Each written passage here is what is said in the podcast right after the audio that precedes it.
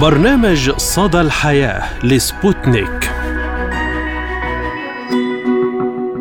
مرحبا بكم مستمعينا الكرام في حلقة جديدة من برنامج صدى الحياة نقدمه لكم اليوم. أنا عماد طفيلي وأنا فرح القادري نتحدث اليوم عن مواضيع متنوعة وأهم الأخبار التي كانت ترند لهذا الأسبوع ونبدأ الحلقة بموضوعنا الرئيسي عن الأوضاع الإنسانية الصعبة التي تعيشها شعوب بعض الدول الأفريقية نتيجة الحروب والأزمات الاقتصادية والسياسية والاجتماعية وعلى رأسها السودان وتشاد التي يتعرض الملايين من شعبها للجوع والفقر والتشرد والنزوح.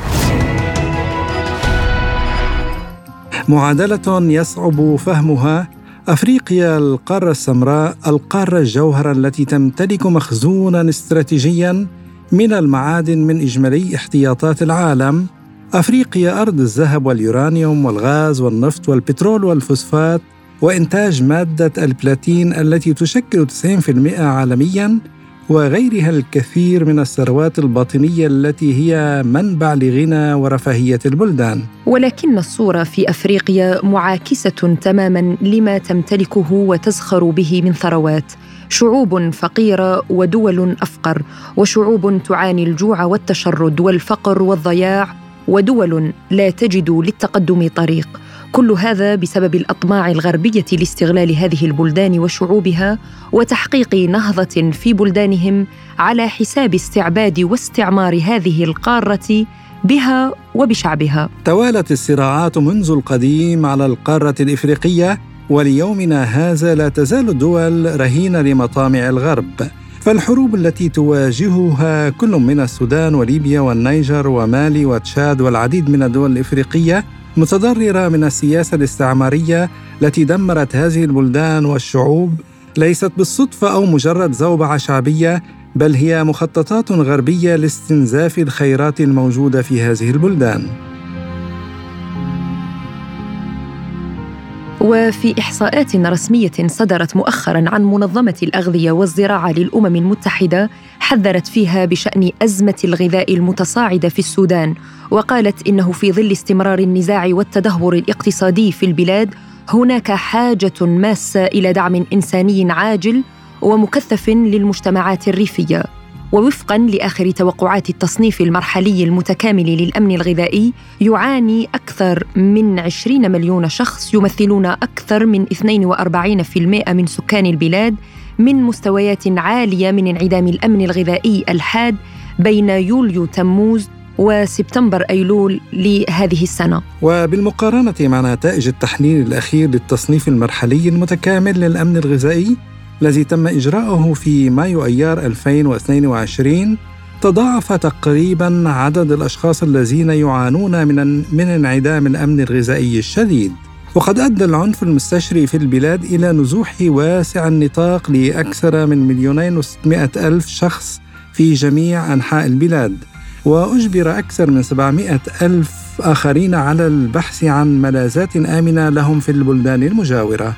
كما وتعرضت البنية التحتية الحيوية بما في ذلك مرافق الرعاية الصحية ومصادر الطاقة والاتصالات السلكية واللاسلكية لأضرار جسيمة مما أدى إلى تفاقم انعدام الأمن الغذائي وسوء التغذية وأدت اضطرابات السوق وارتفاع أسعار المواد الغذائية إلى تفاقم معاناة السكان في الوصول إلى السلع والخدمات الأساسية.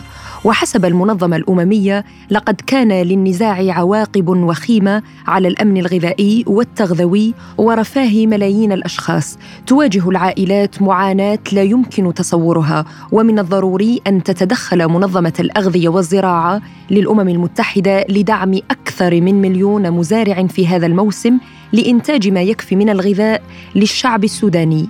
وترسم التوقعات للفترة القادمة من أكتوبر تشرين الأول 2023 إلى فبراير شباط 2024 صورة مقلقة حيث من المحتمل أن يواجه حوالي 15 مليون شخص انعدام الأمن الغذائي الحاد وهو أعلى رقم مسجل يتزامن مع موسم الحصاد في البلاد.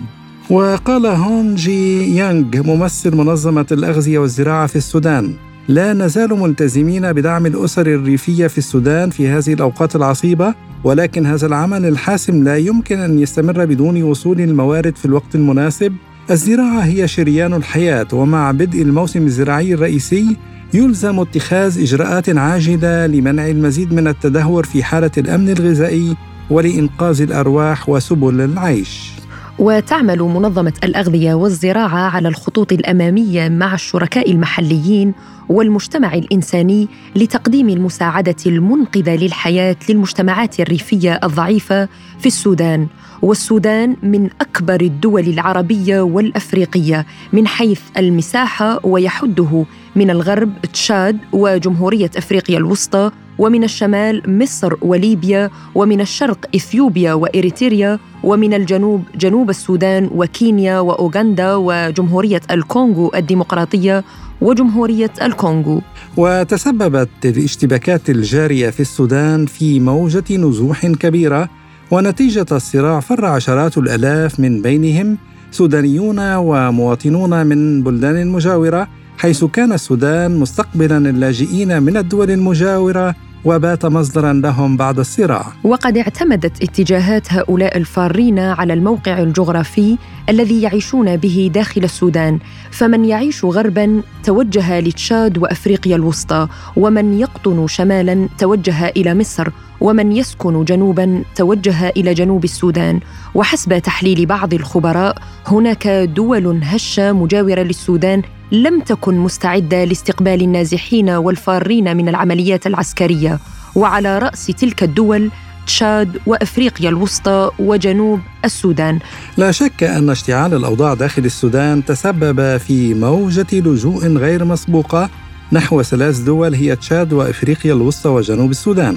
وبالتالي هذه التدفقات سوف تؤثر بشكل سلبي على الأوضاع الاقتصادية والاجتماعية لهذه الدول نظرا لعدم امتلاكها القدرات لاستيعاب ذلك العدد الهائل من اللاجئين وتوفير الحد الأدنى من الحياة اللائقة لهم. ودولة تشاد هي الدولة الأكثر تضررا من الصراع السوداني نظرا للاشتباكات المتواصلة في مدينة الجنينة بإقليم دارفور بالقرب من الحدود التشادية وتخطط مفوضية شؤون اللاجئين في تشاد لاستقبال مئة ألف لاجئ من السودان على أسوأ التقديرات وتمثل عمليات النزوح عبئا إضافيا على موارد تشاد الشحيحة التي كانت تعاني بالفعل من ضغوط استضافة 400 ألف لاجئ فروا من صراع سابق في السودان.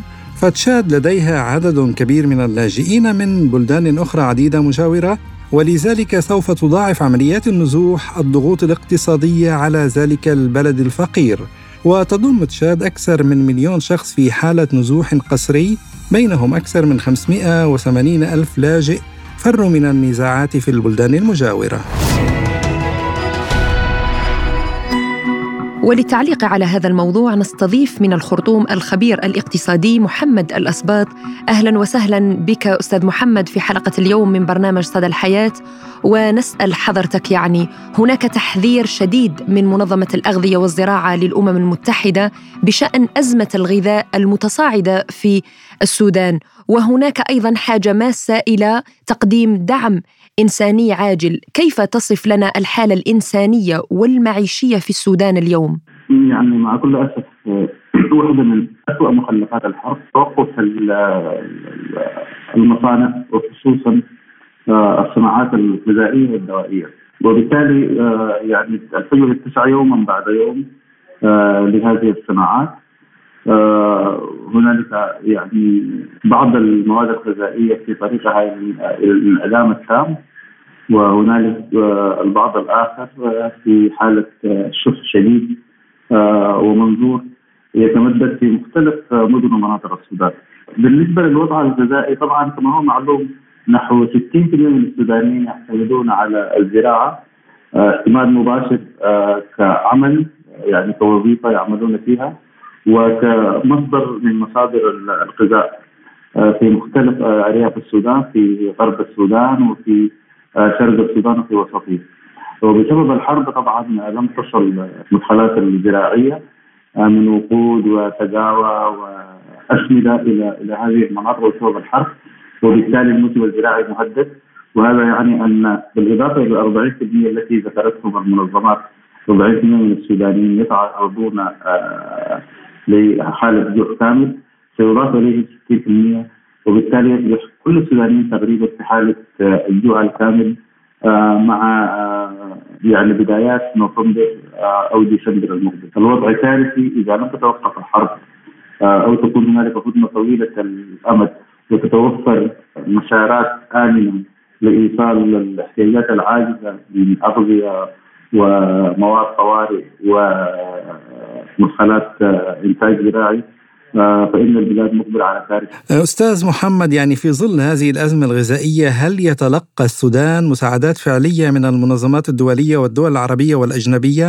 طبعا هناك بعض المساعدات وصلت إلى يعني بعض المساعدات على قلتها وصلت إلى السودان بعضها وصل إلى بور السودان.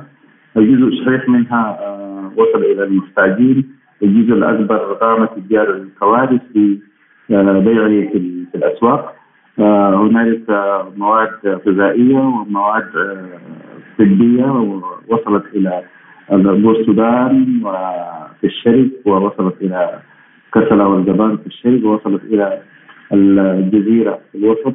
وبعضها وصل عن طريق تشاد إلى بعض ولايات دارفور. ولكن ما يصل الناس لا يعني لا تزيد نسبته عن 30 ل 40% من المواد التي تم إرسالها آه، إلى المحتاجين هنالك دول ساعدت السلامه العربيه السعودية ومثل قطر آه، والكويت آه، ومصر. وهنالك منظمات دولية مثل منظمة الغذاء العالمية والصليب الأحمر الدولي وجمعيات الغذاء والصليب الأحمر الدولية. ومنظمه الاطباء بلا حدود بمختلف افرعها الأوروبية. آه، ولكن آه، كما ذكرت لك بسبب الحرب وبسبب الفساد ما يصل إلى المحتاجين آه، نسبته أقل بكثير من مما هم يحتاجون إليه. أستاذ محمد يعني السودان كما تعلم من أكبر الدول العربية والإفريقية مساحة وأيضا من أكثر البلدان غنى بالثروات الباطنية خصوصا يعني الأراضي الزراعية الصالحة للزراعة، برأيك لماذا يعاني السودان دائما من أزمات غذائية وحتى قبل النزاع المسلح، إلى ماذا يعود ذلك؟ والله هناك مجموعة من الاسباب، طبعا الزراعة هي يعني كما هو معلوم يعني الصناعه تحتاج إلى منظومة متكاملة من عوامل الإنتاج منها التمويل والتشغيل والتخزين والتسويق آه، وبالتالي الأمر الثاني يحتاج آه، استثمارات ضخمة ويحتاج إلى وجود بنيات تحتيه من طرق آه، معبدة إلى طرق سكك الحديد يحتاج إلى يعني تقاوى محسنة ويحتاج إلى اسمده وهذا وهذه المنظومة المتكاملة من العملية الإنتاجية تحتاج إلى استثمار ضخم جدا. آه على سبيل المثال كرواتيا مثلا آه توفر يعني آه نحو 30% من احتياجات العالم من من القمح. آه في حين أن الأراضي الصالحة للزراعة في السودان تساوي أضعاف الأراضي الصالحة للزراعة في كرواتيا ولكن غير مستغلة بسبب عدم توافر الموارد وعدم آه، وجود استثمار حقيقي ووجود وجود بنية قانونية آه، سودانية وطنية آه، تسهل عملية الاستثمار وعملية التصدير وعملية العبور. آه، وتشجع المستثمرين وتشجع أيضا المنتجين والعمالة على يعني الانخراط في هذه العملية هذا هو السبب الأساسي. ترسم التوقعات للفترة القريبة القادمة احتمال أن يواجه حوالي 15 مليون شخص انعدام الأمن الغذائي الحاد. برأيك هل السودان أصبح على أبواب كارثة غذائية كبيرة وما العمل لتلافي ذلك؟ كما ذكرت لك في بداية حديثي أن 60% آه، من السودانيين أي آه، نحو 30 مليون سوداني يعتمدون بشكل مباشر على الزراعة كعمل كوظيفة ويعتمدون عليها كمصدر أساسي مصادر الغذاء. آه، وأعني بالتحديد الزراعة الموسمية الزراعة التي تتم في هذه الفترة في في فصل الخريف بدءا من منتصف يوليو آه، وحتى آه، الحصاد في آه، منتصف أكتوبر. ولكن هؤلاء ال 30 مليون بالإضافة إلى مآسي الحرب يفتقرون إلى مدخلات الإنتاج الزراعية الابتدائيه من مثل التقاوى والاسمده والنقود وبالتالي هؤلاء مهددون بأن يعيشوا حاله جوع يعني كامل وهي نسبة أكبر بكثير يعني يعني ضعف ما ما ما توقعته منظمة الفاو. المنظمه العالميه للاغذيه آه، وهذه النتائج سوف بشكل مباشر في أكتوبر المقبل قبل التشرين الأول قبل ما ذكرته آه، الفاو بشهر تقريبا. والسبب في ذلك هو أنه إذا لم تقف هذه الحرب ولم تتوافر إمكانية سريعة وعاجلة يعني يمكن أن نصفها بحاله بحملة إنقاذ عاجلة فإن السودانيين آه، كلهم سيكونوا في حالة جوع كامل. مع مطلع العام 2024 كان معنا من الخرطوم الخبير الاقتصادي السوداني محمد الأصباط شكرا جزيلا لك. كما نستمع إلى ما يقوله لسبوتنيك رئيس الحزب الوطني الجمهوري في تشاد الأستاذ محمد آدم عن تداعيات تواجد أعداد كبيرة من اللاجئين السودانيين في تشاد وأيضا الأوضاع الاجتماعية والاقتصادية التي يعاني منها سكان المنطقة. والله الحمد لله الآن تشاد في موقف حرج جدا في موقف حرج جدا لأن في طوفان حوالينا ونحن نتمنى يكون حوالينا لا علينا. آه في فرصة حوالينا لا علينا الشعب التاجر لا يتضرر بهذه آه، الفيضانات والطوفان القادم. بل بل أن إحنا آه، الفرصة التي أتيحت لنا من قبل دولة روسيا. نقول نظرا لما نحن فيه الآن في جمهورية أفريقيا الوسطى. الوضع متدهور لكن في شبه اطمئنان. السودان لا داعي أن نتكلم بالأسف. ليبيا كذلك. النيجر الآن فما بقي للهلاق إلا بس رأسنا. والله الآن نحن نحن محاصرين فيما يخص العيشة للشعب التشادي. لأن كل المنافس اللي كان سابقا نحن نستورد بها المواد الغذائية وما أشبه ذلك. الآن شبه مغلقة تماما. ما بقي لنا إلا منفذا واحدا وهو آه، آه، دولة الكاميرون. وعن إمكانية استفادة الدول الإفريقية من التجربة الروسية في التطور بمختلف القطاعات يقول السيد آدم. ال ال الآن المطلوب المطلوب لدى هذه الدول الأفريقية هذه التجربة لأن السبق وأن آه هذه الفرص لم تتيح أصلا للبلاد الإفريقية. نعم. والآن آه، روسيا آه، كما قلته باللغة الفرنسية آه، يعني يحتاج إليه الشعب التشادي. نعم. وما يحتاج إليه الشعب التشادي الآن هو توفير على الأقل بعد 60 سنة من الاستعمار. بعد 60 سنة نحن ما عندنا الموية للشراب. البلد عندها اليورانيوم والشعب ما ممكن يحصل بس يشرب الماء صالح للشرب. وعن المجالات التي يمكن لروسيا أن تساعد فيها الدول الأفريقية يقول الأستاذ محمد آدم. الآن في مجال الزراعة أنا داير أقول لك في في تشات عندنا ممكن مساحة تبلغ خمسة مرة البرتغال نعم. أرض صالحة للزراعة. لم يتم استغلالها والشعب جائع. نعم. الآن إذا أتيحت لنا الفرصة لأنه آه هذه الأرض ممكن نحن نزرع فيها ما بس تشاد براها يعني تستفيد من هذه المزرعة أفريقيا الوسطى بأكملها. وعن احتمال تكرار المشهد السوداني في تشاد على خلفية الأزمة الاقتصادية في البلاد يقول آدم سبق وأن الشعب لما طلع في عدة مظاهرات في تشاد تلقائيا بقول الكلام هذا م. تلقائيا الشعب هو اللي حاول أنه يقول تشاد حرة فرنسا برا. نعم. تلقائيا.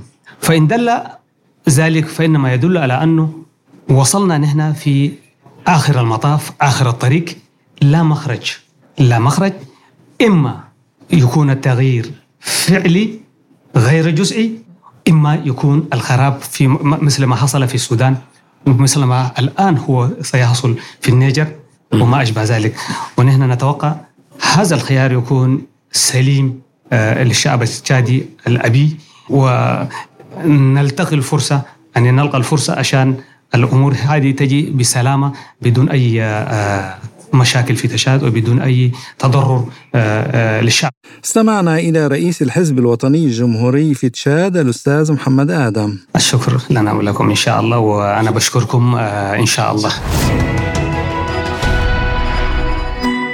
نواصل معكم مستمعينا الكرام حلقة اليوم من صدى الحياة بأهم الأخبار التي كانت ترند لهذا الأسبوع وما هو أول خبر لديك يا عماد؟ نعم فرح ضجت مواقع التواصل الاجتماعي بفيديو يوثق تأخير دب رحلة تابعة للخطوط الجوية العراقية من دبي إلى بغداد وأثر الفيديو محاولة أفراد أمن ومتخصصين تهدئة الدب الذي فر من قفصه خلال تواجده على متن الطائرة وسط حالة من الهلع في صفوف المسافرين. في غضون ذلك أصدرت الخطوط الجوية العراقية اعتذارا إثر تأخر رحلة عودة من مطار دبي نتيجة إفلات دب من قفص داخل غرفة الشاحن في الطائرة. ونشرت الخطوط الجوية بيانا أقرت فيه بوقوع الحادثة خارجة عن إرادتها على متن الرحلة من بغداد إلى دبي والتي أقلت دبا أيضا. وقالت الشركة إن إجراءات شحن الدب جرت بطريقة أصولية بإجراءات معتمدة عالميا عبر تخصيص قفص وفق شروط الاتفاقية الخاصة بنقل الحيوانات. وبينت أن الدب خرج من الصندوق المخصص لنقله عند وصول الطائرة إلى مطار دبي ما استدعى الطاقم إلى التنسيق مع السلطات الإماراتية التي أرسلت على الفور فريق متخصص لتخدير الحيوان ونقله إلى خارج الطائرة وأكدت الشركة على استئناف الرحلة بعد التأكد من عدم وجود ما يؤثر على سلامة المسافرين دون أضرار. يعني طبعا رحلة ممتعة ودب وكأننا في عملية سيرك يعني يعني أنا هنا لي تعقيب زميلي عماد خصوصا بشأن الحيوانات. أنا مع ترك الحيوانات في الطبيعة وفي البيئة التي خلقوا فيها. يعني كيف أن نأتي بدب من الشمال ونضعه في بيئة صحراوية؟ وإن حاولوا توفير البيئة الملائمة وكلها أهداف اقتصادية تجارية من أجل جذب السياح أو من أجل يعني عمل أمور ترفيهية للشعب. ولكن هذا الحيوان مخلوق لديه الحق كذلك في أن يعيش أين خلقه الله تعالى لإحداث التوازن الكوني. آه، أنا هذا الأمر يعني لا أتقبله. صحيح من حيث المبدأ معك حق يعني 100% آه، كانت لي زيارة مسبقة في آه، لحديقة للحيوانات ولا أتوجه كثيرا لحدائق الحيوانات لأنه حين أرى الحيوان داخل القفص يعني يقشعر بدني صراحة لأنه كيف أن دب بهذا الحجم بدل ما أن يسرح ويمرح في الطبيعة تجده داخل قفص ويعني وهو كائن حي يعني يريد أيضا الحياة كأي مخلوق بشري كأي نعم. مخلوق على هذه الكرة الأرضية. آه نذهب أيضا إلى الخبر الثاني وأزمة الخبز في تونس. تواصل أزمة نقص الخبز في تونس وسط غضب شعبي تداخلت فيه اتهامات سياسية وتساؤلات عن سبب نقص هذه المادة إحدى أكثر المواد الغذائية استهلاكاً في البلاد وعبر تونسيون عبر مواقع التواصل الاجتماعي عن استيائهم بسبب الطوابير الطويلة ونفاذ الخبز سريعا من المحلات التجارية والمخابز. وكان الرئيس التونسي قيس سعيد قد تحدث عن هذه الأزمة في وقت سابق واصفا الخبز بالخط الأحمر كما وجه أصابع الاتهام إلى دوائر وجماعات ضغط تسعى لتأجيج الوضع في البلاد حسب تعبيره وأثارت تصريحات قيس السعيد حول مسؤولية جهات معينة في الأزمة إلى تساؤلات حول طبيعة أسباب نقص الخبز وإن كانت تعود إلى شح في الموارد أم أنها قضية مفتعلة تنجم عن سوء إدارة أو دوافع خفية. وأيضا أشار الرئيس التونسي إلى قضية تقسيم المخابز بين المصنفة وغير المصنفة والتي تؤدي حسب تعبيره أيضا إلى التلاعب بالخبز عبر تقسيمه إلى خبز للفقراء وخبز للأثرياء. وأشار مغردون عبر صفحات التواصل الاجتماعي إلى قضية المخابز غير المصنفة وغلاء أسعار الخبز فيها مطالبين بتقنين بيع المواد المدعمة والرقابة على الأسعار وقد أعلن المجمع المهني للمخابز العصرية في تونس عن إيقاف إنتاج الخبز في كل المخابز التابعة له دون أن يذكر سبباً واضحاً ويضم المجمع نحو 1500 مخبز في أنحاء البلاد. نعم فرح نلاحظ بأنه حتى تونس يعني آه، مستها هذه الأزمة أزمة الغذاء وأزمة الخبز يعني ليس فقط السودان وتشاد يعني العديد من دول العالم وخصوصا يعني الدول كتونس و حتى الدول وأيضا يعني مادة و... الخبز هي مادة ضرورية ودول الشمال الإفريقي يستخدمون ويستهلكون بكثرة مادة الخبز تحديدا. يعني حين وصفوا انه طوابير طويلة للحصول على خبزه واحدة هذا ليس مجرد تعبير مجازي ولكنه حقيقة. يعني كل العائلات يستهلكون بكميات كبيرة الخبز. وإلى خبر طبعا آه، مؤسف آه، تسبب الرصاص الطائش في لبنان بمأساة لعائلة حيث ترقد الطفله نايا حنا في مستشفى ما بين الحياة والموت. إثر إصابتها بطلق ناري احتفالي بنتائج الثانوية العامة. وقال رئيس بلدية الحدث اللبنانية جورج عون في بيان بين الحياة والموت نايا حنا طفله بعمر سبع سنوات فريسة جديدة للرصاص للرصاص المجرم الذي يطلقه المبتهجون الغرائزيون تارة في أفراحهم. وتارة مع إعلان نتائج الامتحانات الرسمية وأضاف عون في ملعب مدرسة القلبين الأقدسين فيما كانت نايا تمضي نهارا آخرا مع رفاقها. في مخيم صيفي اختارتها رصاصة المبتهج القاتل المجرد من كل صفات الإنسان وأنا معه بهذا التوصيف هذا.